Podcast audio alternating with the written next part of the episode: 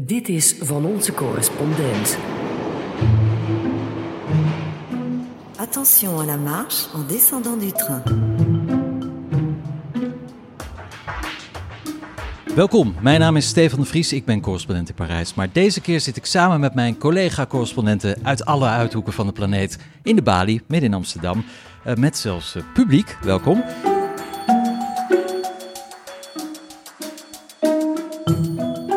In deze speciale aflevering kijken we een beetje terug op het roerige 2018. Wat maakte indruk op onze correspondenten of wat bleef het meeste bij?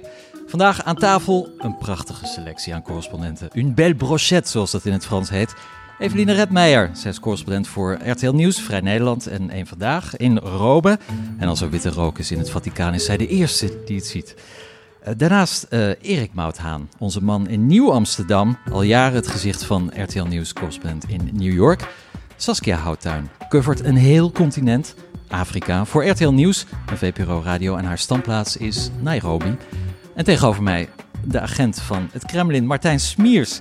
Die woont op een steenworp afstand van het Kremlin in Moskou. En hij houdt daar uh, nauwlettend Vladimir Poetin en zijn trawanten in de gaten uh, voor RTL Nieuws. Dus welkom allemaal. Um, ja, laten we eens beginnen uh, met 2018. Het is een heel gek jaar. We zitten hier aan tafel met mensen die allemaal in landen wonen die, ja, waar, waar, waar, de, waar de sfeer is veranderd, als ik een eufemisme mag gebruiken. Um, laten we eens beginnen um, met Amerika, want iedereen heeft het altijd over Amerika. Laten we daarmee beginnen, zijn we daar vanaf. Erik Mouthaan, uh, trek je het nog een beetje in dat gekke Amerika? Het wordt alleen maar meer fascinerend, dus ik, ik vind het geweldig. Ja, ja, je hebt een audiofragment uh, meegenomen waarbij je eigenlijk um, ja, laat horen uh, hoe jouw land, want het is jouw land, je woont daar, hoe lang woon je er inmiddels al? Twaalf jaar. Twaalf jaar, ja. Je bent dus eigenlijk een halve, half Amerikaan. Veranderd is. Ja, het is interessant. We hebben natuurlijk net verkiezingen gehad. Ja. En dat is een soort afstraffing van Trump. Maar waar iedereen het over eens is dat de sfeer steeds feller en naarder wordt tegenover elkaar. De twee kampen haten elkaar steeds meer. En iedereen zegt dat heel erg te vinden. Maar uiteindelijk geven ze elkaar dan de schuld ervan. Dus ze komen ook niet dichter bij elkaar. En ik sprak een mevrouw op een Trump-rally. En die verwoordde dat heel erg goed, dat gevoel. Ja, laten we daar even naar gaan luisteren. And what do you think of the I guess the atmosphere in the country. People seem to be, you know, very divided. Oh, it's a major divide. Yeah. It's a di- which is very sad, but I've never quite seen it that way before. What caused it? Do you really want me to have my opinion on that one? Sure. I think Obama caused that. I think he divided us big time, more than more than we've been divided in a long, long time. Because you know, Democrats say Trump is doing it. Trump is dividing. I don't believe that because this is going on. Be- Black Lives Matter, all those things are going on before Trump became president. Right. It's like a cultural divide. Yes, definitely, without a doubt. Right. I mean, I know friends who are literally losing friends because of it.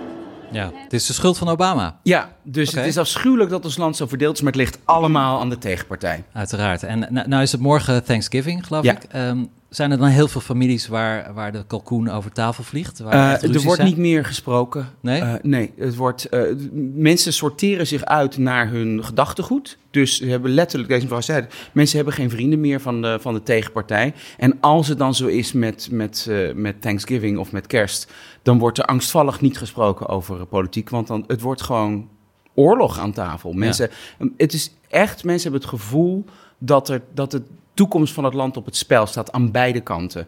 En uh, ja, het is, ik, ik heb dat niet meegemaakt in twaalf jaar. Dit land, mijn land is altijd heel verdeeld geweest, links versus rechts. Maar ik, ik noem dit nu een soort morele burgeroorlog, waarbij mensen elkaar echt het licht in de ogen niet gunnen en elkaar haten. En linkse mensen die gewoon zeggen, Trump is een fascist, hij wil ons land naar een soort nazi-Duitsland toebrengen. En rechtse mensen zeggen, jullie zijn door aan het slaan. Deze man heeft gewoon andere ideeën dan jullie en jullie demoniseren hem. Dus het is echt, ja, ik vind het een nare sfeer op dit moment. Ja, nu, nu woon jij in New York. Uh, dat is natuurlijk een soort... Links bastion, ja. ja. exact.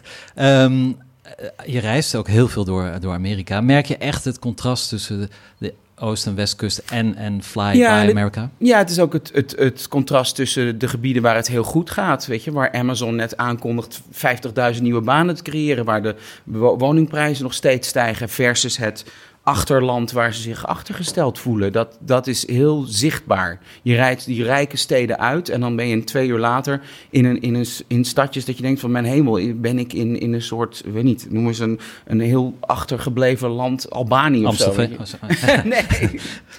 Um, en, eh, heb, heb je zelf ook vrienden verloren uh, uh, sinds Trump aan de macht is? Of sinds die ja, de burgeroorlog, zoals jij het noemt? Nou, nee, want in de meeste mensen in New York... het is heel lastig om een republikein te vinden in New York. En als ze al republikein zijn, dan zeggen ze... nou, ik ben voor lagere belastingen. Hè. Bijvoorbeeld het, het verlagen van de bedrijfsbelasting. Dat, is, dat deed Trump in navolging van heel veel landen zoals Nederland. Dus er zijn, en die mensen die, die zijn het ook wel eens met de kritiek op Trumps beleid aan de grens en zo. Dus die zijn dan meer gemengd. Nee, ik ben, het, is, het is moeilijk om die echt die rabiate Trump-fans te vinden in New York. Ja, ja.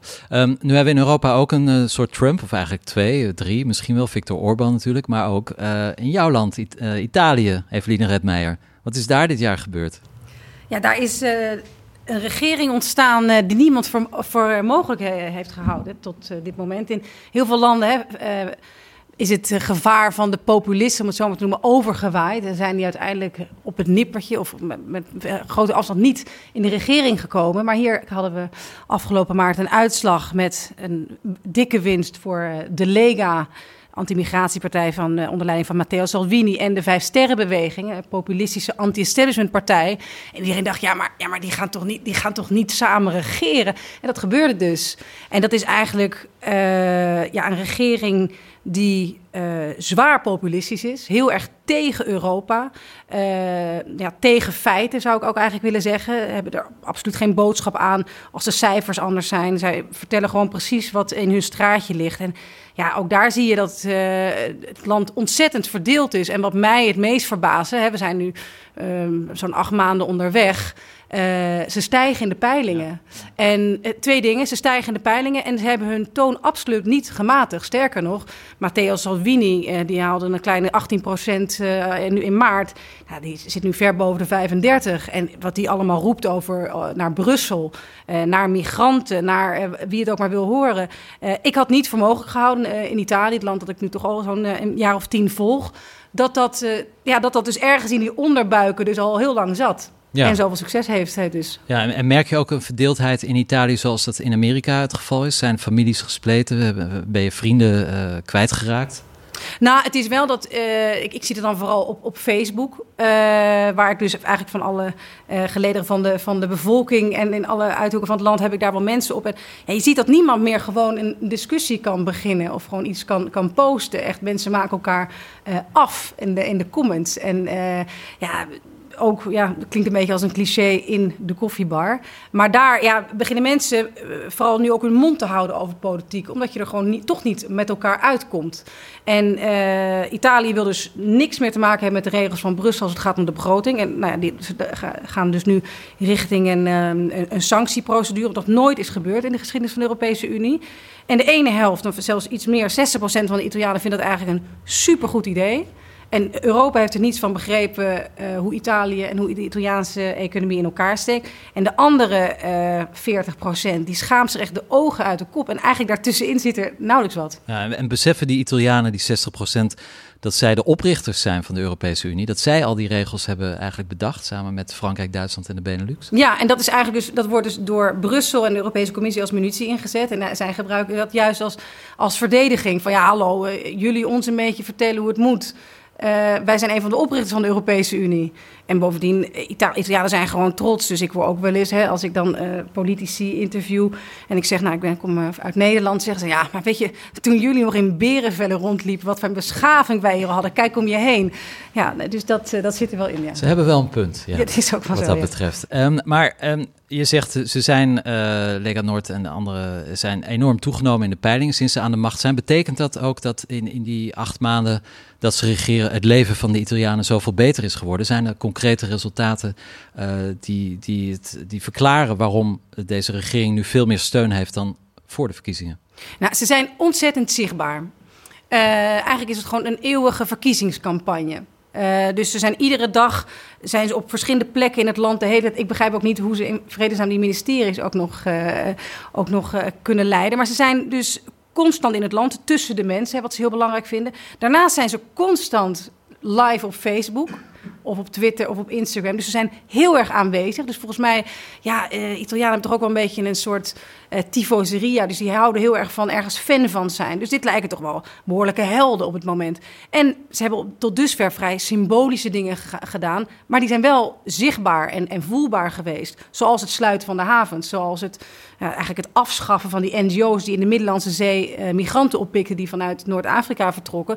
Ze hebben gewoon gezegd, die komen de havens niet meer in. En iedereen dacht van, nou, nou, dat zal toch wel meevallen. Maar ja, het is wel, wat je er ook eh, van kunt vinden, hij houdt wel eh, Want ze kwamen echt de haven niet meer in. Ja, maar ondertussen is de werkloosheid aan het stijgen. Ja, samen absoluut. met Frankrijk, Nee, het ja. enige land van de Europese Unie, van de 28. Dan, dan zou je toch zeggen eh, dat die Italianen op een gegeven moment ook weer boos worden daarom. Ja, nee, dat, dat zal zeker zo zijn. Dat op een gegeven moment dat, dat ze ook weer teleurgesteld zullen zijn. Dat bepaalde plannen die zij hebben beloofd. Want ze zijn, nog maar acht maanden onderweg. Dus een basisinkomen hebben ze beloofd. Nou, we, we zullen gaan zien dat dat gewoon een heel klein bedrag is voor een heel klein aantal mensen. En nou ja, zo zullen er ook andere dingen zijn. Een verlaging van de belastingen, een flat tax. Die zouden ook niet kunnen komen als op een gegeven moment echt de Brussel een sanctieprocedure in, eh, in gang zal zetten. Dan zullen Italianen dat ook gaan merken. Maar vooralsnog, en ik denk dat ze dat ook wel zullen overleven tot de Europese verkiezingen volgend jaar mei, eh, zitten zij eh, ja, In het zadel. Absoluut. En wie ook stevig in het zadel is, is de Vladimir Poetin. De moeder van alle dictators in, eh, in Europa. Moeder, Eh, hoe, is het in, eh, in Moskou, eh, Martijn? Eh, Vladimir Poetin voor de derde termijn president. Waarschijnlijk blijft hij nog totdat hij zijn laatste adem uitblaast. Hoe, hoe is het daar om, om daar nu te zitten? Het land is natuurlijk al gewend geraakt aan, aan, aan, aan dit soort autoritaire machtshebbers. Klopt, er is een hele generatie opgegroeid die niet anders weet dan Poetin. Maar wat dit jaar in Rusland zelf opviel, was dat de populariteit van Poetin een, een flinke deuk opliep. Hij had, begin het jaar in met een rating van 85 procent. Nou, hij zit inmiddels rond de 60. Ja. Er zijn dat wel is nog flink, toch? Vergeleken met andere... Kom er maar eens om. Emmanuel maar eens- Macron staat op 21, dus eh, daar kan hij nog wat van leren, toch? Ja, eh, klopt. Het is, maar in, in Poetinland is het een, eh, een lage rating. Oké, dus hij is impopulair, relatief. Maar, Relatief, ja. Oké.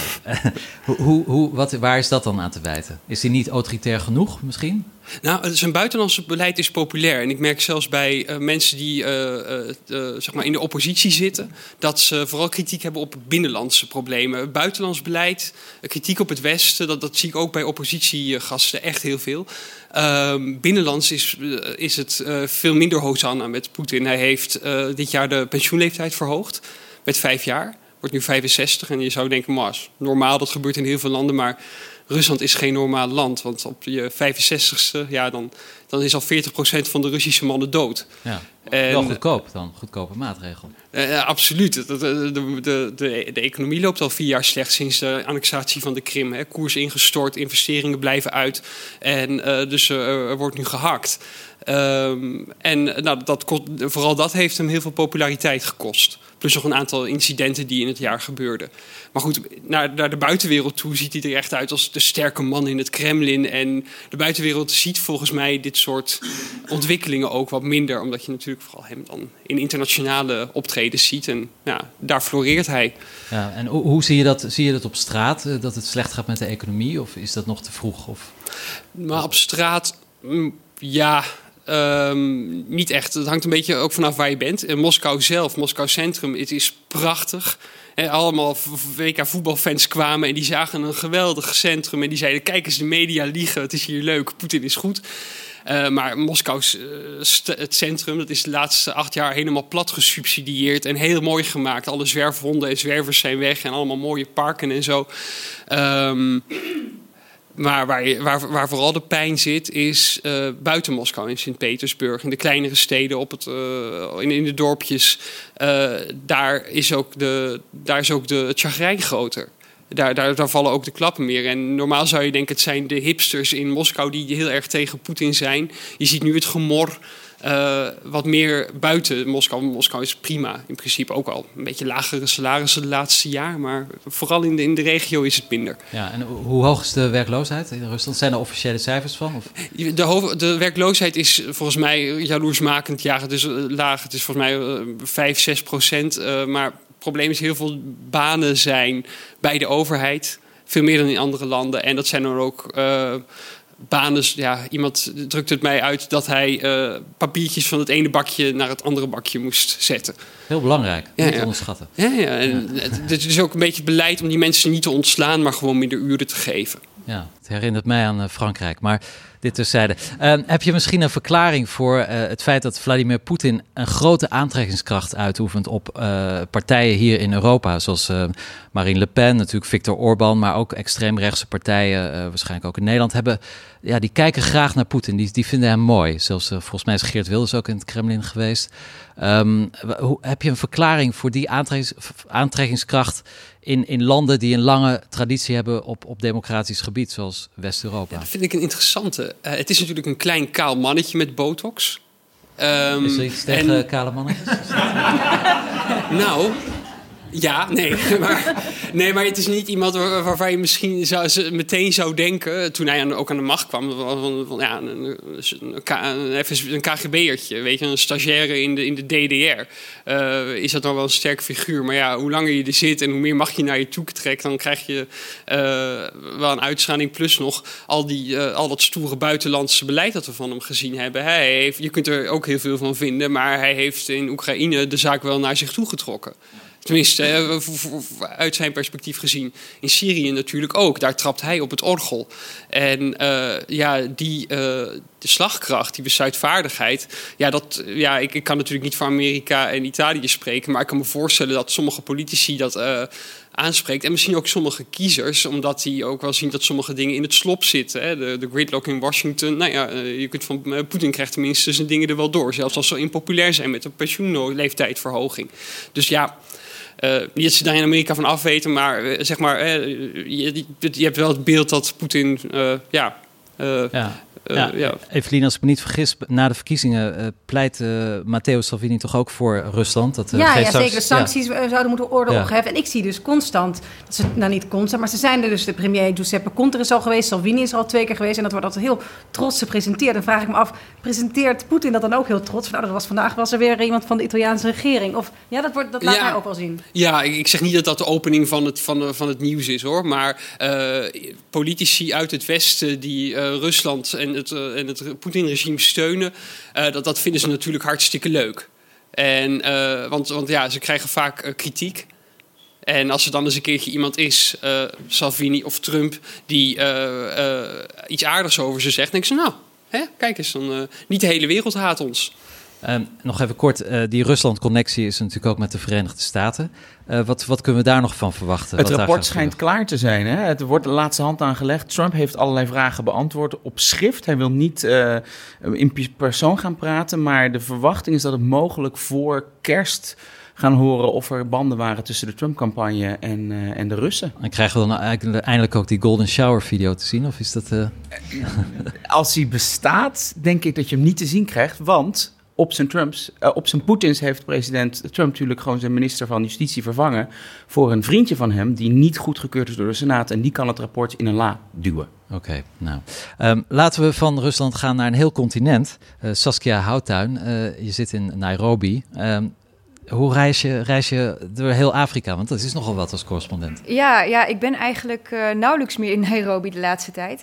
Eh, ja, klopt. Ik cover Sub-Sahara-Afrika, dus niet Noord-Afrika, maar wel alles wat ruwweg onder de Sahara zit. Dus dat eh, zijn eh, tientallen landen. En ja, soms is dat wel overweldigend, want sommige landen, ja, weet je, ik heb geen idee wat daar de hoofdstad van is, laat staan wie de president is. Maar je hebt gewoon een paar landen, dat zijn er dan misschien twintig of zo. eh, paar waar, landen, waar ik echt de hoofdlijnen wel echt van, goed van volg. En weer een paar landen daarvan.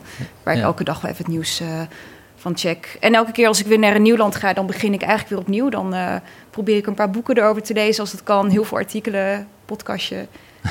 En dan maar gaan. En wat was voor jou het belangrijkste in 2018 op jouw continent? Is natuurlijk een enorme keus, maar wat, wat heeft jou het meest eh, gemarkeerd of indruk op je gemaakt? Ja, nou, waar ik eh, de laatste jaren sowieso veel mee bezig ben, is met hoe Europa eh, probeert om migranten die met name uit West-Afrika komen, probeert tegen te houden. Dus wat je ziet is dat eigenlijk de Europese zuidgrens al lang niet meer bij Italië bijvoorbeeld ligt, maar echt al midden in de woestijn. Dus ik was ook net een paar maanden geleden in Niger, waar eh, in de stad Agadez, waar heel veel migranten eh, doorheen reizen die richting Libië en uiteindelijk richting Europa willen. Ja, je ziet gewoon dat er echt een politiek gaande is waarbij wordt Afrikaanse leiders eigenlijk een zak met geld krijgen om migranten tegen te houden. Je ziet ook, minister Blok was ook in, in Niger in oktober en heeft ook zo uit mijn hoofd 5 miljoen gegeven, zodat er weer betere grensbewaking daar komt. Dat gaan ze samen met de Duitsers doen. En waar ook heel veel op wordt ingezet is om met die migranten die vast zijn komen te zitten in Libië dat zijn er echt ontzettend veel. Die worden weer teruggestuurd naar huis. Dus dan krijgen ze uh, ja, gratis vlucht. En ze krijgen vaak ook nog, als ze geluk hebben, wat, uh, wat geld mee, zodat ze een eigen bedrijfje kunnen opzetten. Werkt dat? Doen, doen mensen dat ook echt? Uh, er zijn succesverhalen, maar dat zijn vaak de verhalen die dan bijvoorbeeld de Internationale Organisatie voor Migratie, die dat organiseert, wil laten zien. maar ik heb al een paar keer verschillende landen, Burkina Faso, Senegal, Nigeria, dat ik daar was. En, en dat mensen zo ontzettend teleurgesteld zijn. En eigenlijk zo snel mogelijk weer het geld bij elkaar willen sparen, zodat ze weer een nieuwe poging kunnen wagen. En het grote probleem is ook niet zozeer dat zij ontzettend teleurgesteld zijn, maar ook vaak hun familie. Hè? Want die hebben allemaal geld bij elkaar gelegd. Die hebben hele hoge verwachtingen voor hun uh, zoon of dochter. En uh, ja, als die dan terugkomt, mislukt. Ja berooid en dan ook nog eens uh, dingen heeft meegemaakt en gedaan in uh, Libië die niet uh, door de beugel kunnen, dan ja. ja. Over hoeveel geld hebben we het dan? Hoeveel kost zo'n zo'n reis naar Europa? Ja, duizenden euro's. Dat wil heel erg verschillen. Wat je zeg maar, het hangt er ook vanaf waar je vandaan komt, maar stel je bent een jongen uit Conakry, uit Guinea, dan moet je heel veel verschillende bussen nemen en corruptie, uh, nou ja, dat uh, natuurlijk op dat soort momenten. Dus bij elke grensovergang staat er weer iemand die, wie weer geld moet gaan betalen. En ja, uiteindelijk, volgens mij heb ik het vaakst het bedrag iets van 2.000, 3.000 euro gehoord. En dan weet ik niet eens hoeveel het kost eigenlijk om tegenwoordig met een bootje naar Italië te gaan. Ik weet niet of jij dat nou ja, toevallig weet. Hoe, maar dat... dat... wordt wel steeds duurder, omdat ja. het steeds ingewikkelder wordt. Maar meestal ja, tussen de 2 en de 3.000 euro ja. per persoon. Ja, kan je nagaan euro voor iemand uit een ja, ja. straatarm land in ja. Afrika. Waar halen ze überhaupt dat geld vandaan? Nou, vaak uh, familie. Dus vaak is, het kan heel vaak ingezameld, ingezameld te sturen. En, ja, niet één iemand. Vaak uh, alle jonge mannen uit een dorp bijvoorbeeld. Ja. En, uh, en de hoop dat die persoon dan eenmaal in Europa, dat zie ik, dat zie ik met Latijns-Amerikanen die in Amerika inkomen, die gaat dan geld terugstorten. Precies. Maar die moet eerst de smokkelaars afbetalen en daarna Precies. gaan onderhouden. Hè? Ja, ja, wat je ook ziet, uh, ik heb een paar jaar geleden een verhaal gemaakt in Senegal. En dan zie je bijvoorbeeld in één dorp een heel mooi huis staan. En dat is dan een familie die uh, geluk heeft. Want die hebben 16 zoons in Europa. Nou, dat is lekker cashje. En uh, die sturen heel veel geld terug. Dus die hebben ook satellietschotels en die hebben een tablet. En die hebben gewoon eten. Weet je, dat gaat goed. En dan een paar huizen verderop ging ik langs bij, um, bij een familie die twee zoons hadden. En de ene zoon die was wel in Spanje aangekomen, maar ja, die stuurde niks terug. Of die had geen werk, weet ik eigenlijk niet. En de andere zoon was uh, omgekomen op de Middellandse Zee. Ja, dus de Europese grens, zeg je, die is opgeschoven naar het zuiden. Ja. Eh, zijn daar dan ook fysiek Europeanen bezig om uh, die mensen tegen te houden? Dus dat er, zijn er troepen of, of, of uh, ambtenaren? Of hoe, nou, ambtenaren wel, Amten, ja, Europese tuurlijk. ambtenaren. Ja, nou ja, als je alleen al kijkt naar bijvoorbeeld de Internationale Organisatie voor Migratie... wordt voor een groot deel gefinancierd door de EU. En die zijn verantwoordelijk voor uh, het tegenhouden van mensen daar? Uh, nou ja, die doen onder andere ook aan het bewaken van de grenzen en het controleren van de grenzen. Uh, dat soort dingen. En, en die zorgen er ook voor dat migranten, als ze eenmaal vastzitten, dat ze zeg maar weer worden, weer worden teruggestuurd. Maar het zijn ook NGO's bijvoorbeeld. Ik weet dat de Duitse GIZ, ik weet niet of ik het goed zeg, maar de, de Duitse ontwikkelingsorganisatie ook aan verschillende grensprogramma's doet. En ik heb geprobeerd om er eentje te bezoeken, maar die wilde niet zien laten zien dat, wat daar gebeurde. Okay, dus, uh, dus, je, dus je loopt letterlijk Europeanen tegen het lijf die daar met Europees geld uh, ja, proberen. Ja, maar dat is niet heel nieuw hoor. Dat is al echt, uh, echt wel jaren gaan. Alleen de laatste paar jaar is dat heel erg geïntensiveerd. Er gaan, er gaan gewoon steeds meer miljoenen uiteindelijk naartoe. Ja, ja. Laten we even een rondje maken om wat de boel wat op te vrolijken. Want 2018 was natuurlijk niet zo'n heel vrolijk jaar. Um, er zijn natuurlijk heel veel andere dingen in jullie landen, behalve uh, politiek en, en menselijk leed en economie. Uh, cultuur bijvoorbeeld. Um, iedereen heb ik gevraagd om even een, een, een, iets te uh, selecteren wat, wat haar, hem of haar heeft ge, ja, geïnspireerd of uh, onder de indruk, waar iemand van onder de indruk was het afgelopen jaar op cultuurgebied. Laten we even bij jou beginnen. Um, Eveline Redmeijer in Italië. Jij hebt een, uh, een trailer uitgezocht van een nieuwe HBO-serie die volgens mij deze maand in première gaat. Um, My Brilliant Friend van, naar het werk van Elena Ferrante. Wie, wie is Elena Ferrante? Ja, dat weet niemand. Dat weet niemand. Nee, okay. het is uh, niemand wie, weet wie zij is. Ze is misschien, misschien zelfs een man. Maar uh, het is dus een pseudoniem voor een schrijfster die een reeks van vier, de vier Napolitaanse romans uh, heeft, heeft geschreven. Over een vriendschap tussen twee meisjes. eigenlijk van kleins af aan totdat, totdat ze sterven. en dat is een wereldwijde bestseller geworden. Laten we even naar, naar een paar seconden luisteren en kijken naar de trailer. Questo non può continuare a studiare. È meglio tu non ci vai. Tanti l'esame, lo faccio stesso. E vostra figlia è brava così in tutte le ja, My. Brilliant Friend, van, naar het werk van Elena Ferrante. Waarom heb je dit uitgezocht? Nou, omdat ik denk dat... Uh, ik ben, was heel benieuwd om te zien hoe die meisjes eruit zien. Hè? Want ik ben een groot fan van de boeken. Uh, het, is, het is een beetje soapy, moet ik zeggen. Dus het is heerlijk om achter elkaar uh, te lezen. Uh, maar toch ook wel heel mooi beschreven. Uit het Napels van die jaren, hoe rauw en arm dat was. En een, en een vriendschap tussen... Het is eigenlijk ook een boek wel over emancipatie, die zich echt losvechten uit een heel arm milieu en tegen alle uh, tradities en uh, gebruiken in een carrière maken. Althans, een van, van ze. En nou, eigenlijk, het stelde me niet teleur als ik de beelden zo zag. En het is natuurlijk opvallend dat HBO ervoor kiest. Hè, uh, hier helemaal in te duiken en een Italiaanstalige, Napolitaanstalige serie te maken. En is ik het denk, in het Napolitaans? Ja, ja, ja. ja, ja, dus het zijn lokale acteurs? He, het zijn lokale acteurs. en het is zelfs, ik denk dat 90% van de Italianen dit ook met ondertiteling uh, moet, uh, moet zien. Net zoals Gomorra eigenlijk, een andere Napolitaanse hitserie. Maar ik denk als ik dit zo zie, uh, het buitenland, ook Nederland, smult van dit soort lang Italiaans drama. Zoals net zoals La Meo Gioventù, een paar jaar geleden, waar eigenlijk gewoon de hele Italiaanse geschiedenis aan is opgehangen. En dus ik verwacht dat dit heel mooi is en dat dit ook een hit gaat worden in Nederland. Ja, was, was het niet begin dit jaar onthuld wie Elena Ferrante zou zijn? Ja, maar ik vind het ergens toch leuk om te denken. Ze heeft het nooit bevestigd. Maar uiteindelijk heeft er iemand. Er zijn mensen echt op afgestudeerd. die bepaalde woorden zijn terug gaan zoeken in een andere tekst. En, nou, en, en het hielp ook dat op een gegeven moment een bepaalde vertaalster had zoveel huizen op haar naam. Dat mensen toch gingen denken: van nou ja, er zijn echt tientallen miljoenen binnengekomen. En dus misschien is één en één is wel twee. Dus maar je, je we wilde weten. liever in geloven. Ik wilde liever in geloven. Dus het is eigenlijk de Sinterklaas van de Italiaanse ja, literatuur. Ja, althans, mijn, mijn Jouw Sinterklaas. Sinterklaas. Ja. Oké, okay, goed. Gelukkig geen Zwarte Piet. We gaan even naar Moskou. uh, jij hebt ook een drama uitgezocht, uh, wat heel kenmerkend is uh, volgens jou voor, voor Rusland. wat was jouw keuze? Liette. Ja, de zomer. dat? Zomer. Ja. Heel kort in Rusland of heel lang? Of wat, wat, ik, ik nou, die, die, die, die, duurt wel even. Het Ja? is meer dat de lente en de herfst kort zijn in Rusland. Dus de zomer is heel lekker. Uh, ook in Siberië, heerlijk.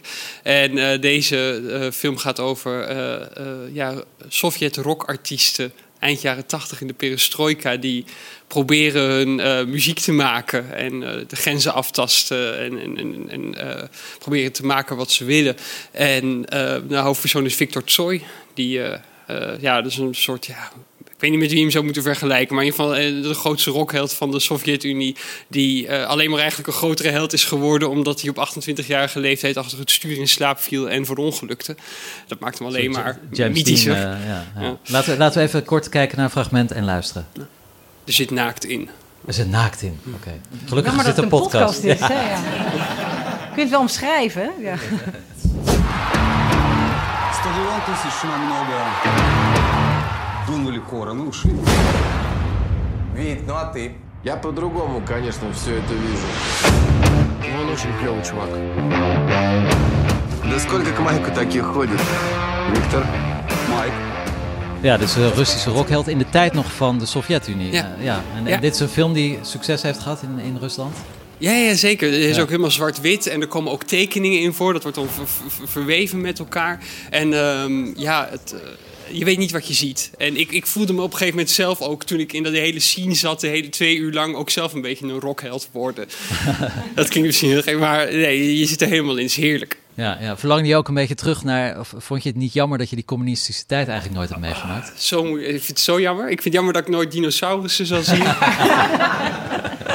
Eh, ik heb geen kaartjes voor de Spice Girls weten te krijgen. Dus ik vind het ook jammer dat ik die niet kan zien. En ik vind het dus heel jammer dat ik nooit de Sovjet-Unie zal zien. Dat heb je hier natuurlijk wel een beetje. Ja. In zwart-wit. En ehm, ja, dat, dat, dat is geweldig. Ja, hij heeft, eh, een, was, scoorde ook goed in Cannes, dus waarschijnlijk komt hij ook naar Nederland, die film. Weet je dat toevallig? Of die in Nederland Nee, weet ik niet. Eh, nee, maar ik wens het Nederland toe. Oké, nou, Leto dus, zomer, een Russische film. En dan gaan we nu naar Afrika.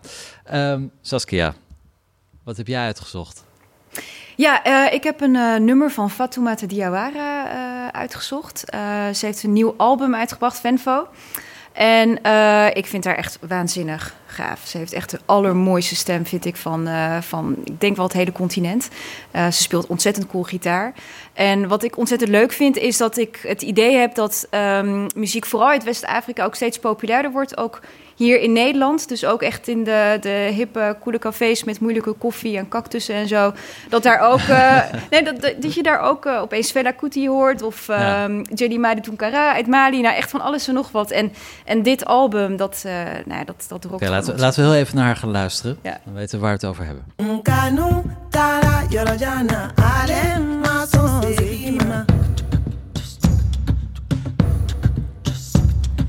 Jarabi tara yorojana ale maso segima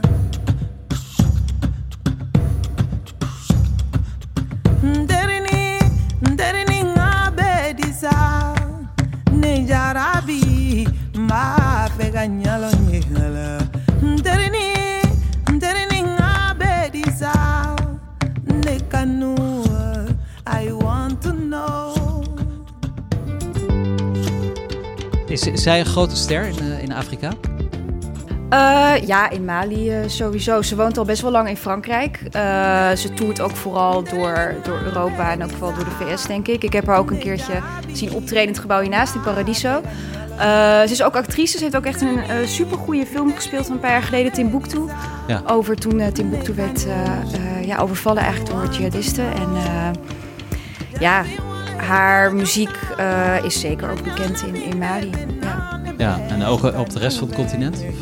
Ja, en ik zou niet zeggen in Oost-Afrika. Ik bedoel, daar hebben ze echt weer een hele andere muziekstijl. En dat, ja, persoonlijk heb ik daar zelf iets minder mee. Want dat zijn echt van die, van die computerstemmen, weet je wel, waar je echt gewoon echt van die blikkerige... Nou ja.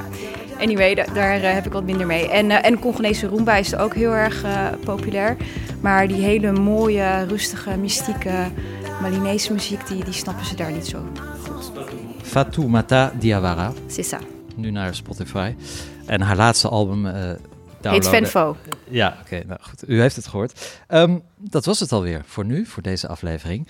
Ehm, als je graag naar Van Onze Correspondent luistert, eh, deel deze podcast dan met eh, vrienden of collega's of met allebei. Dat is eh, nog mooier. Ehm, ik dank Eveline Redmeijer uit Rome, Erik Moutaan uit New York, Saskia Houttuin uit Nairobi en Martijn Smiers uit Moskou. En Van Onze Correspondent sluit altijd af met een nummer 1 hit, ergens ter wereld. En dat is deze week, ja, ik zoek altijd heel goed, een, een Slovaakse rapper. ja, echt, die bestaan, die bestaan. Ja, ja, dat is... eh, even kijken. Dalip heet hij. Het nummer heet eh, Jelly Belly. Ehm, en al die internationale tracks staan ook op onze playlist in Spotify. Even zoeken op van onze correspondent muziek. Voor nu, dank voor het luisteren. Kijk voor andere boeiende podcasts op www.dagenacht.nl. We zijn er weer over twee weken met een nieuwe speciale podcast. Dan praten we over onder andere de toekomst van de journalistiek. Klinkt zwaar, maar is net zo luchtig als deze aflevering. Tot dan, au revoir.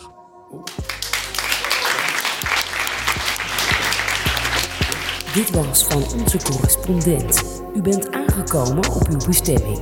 Please remember to check out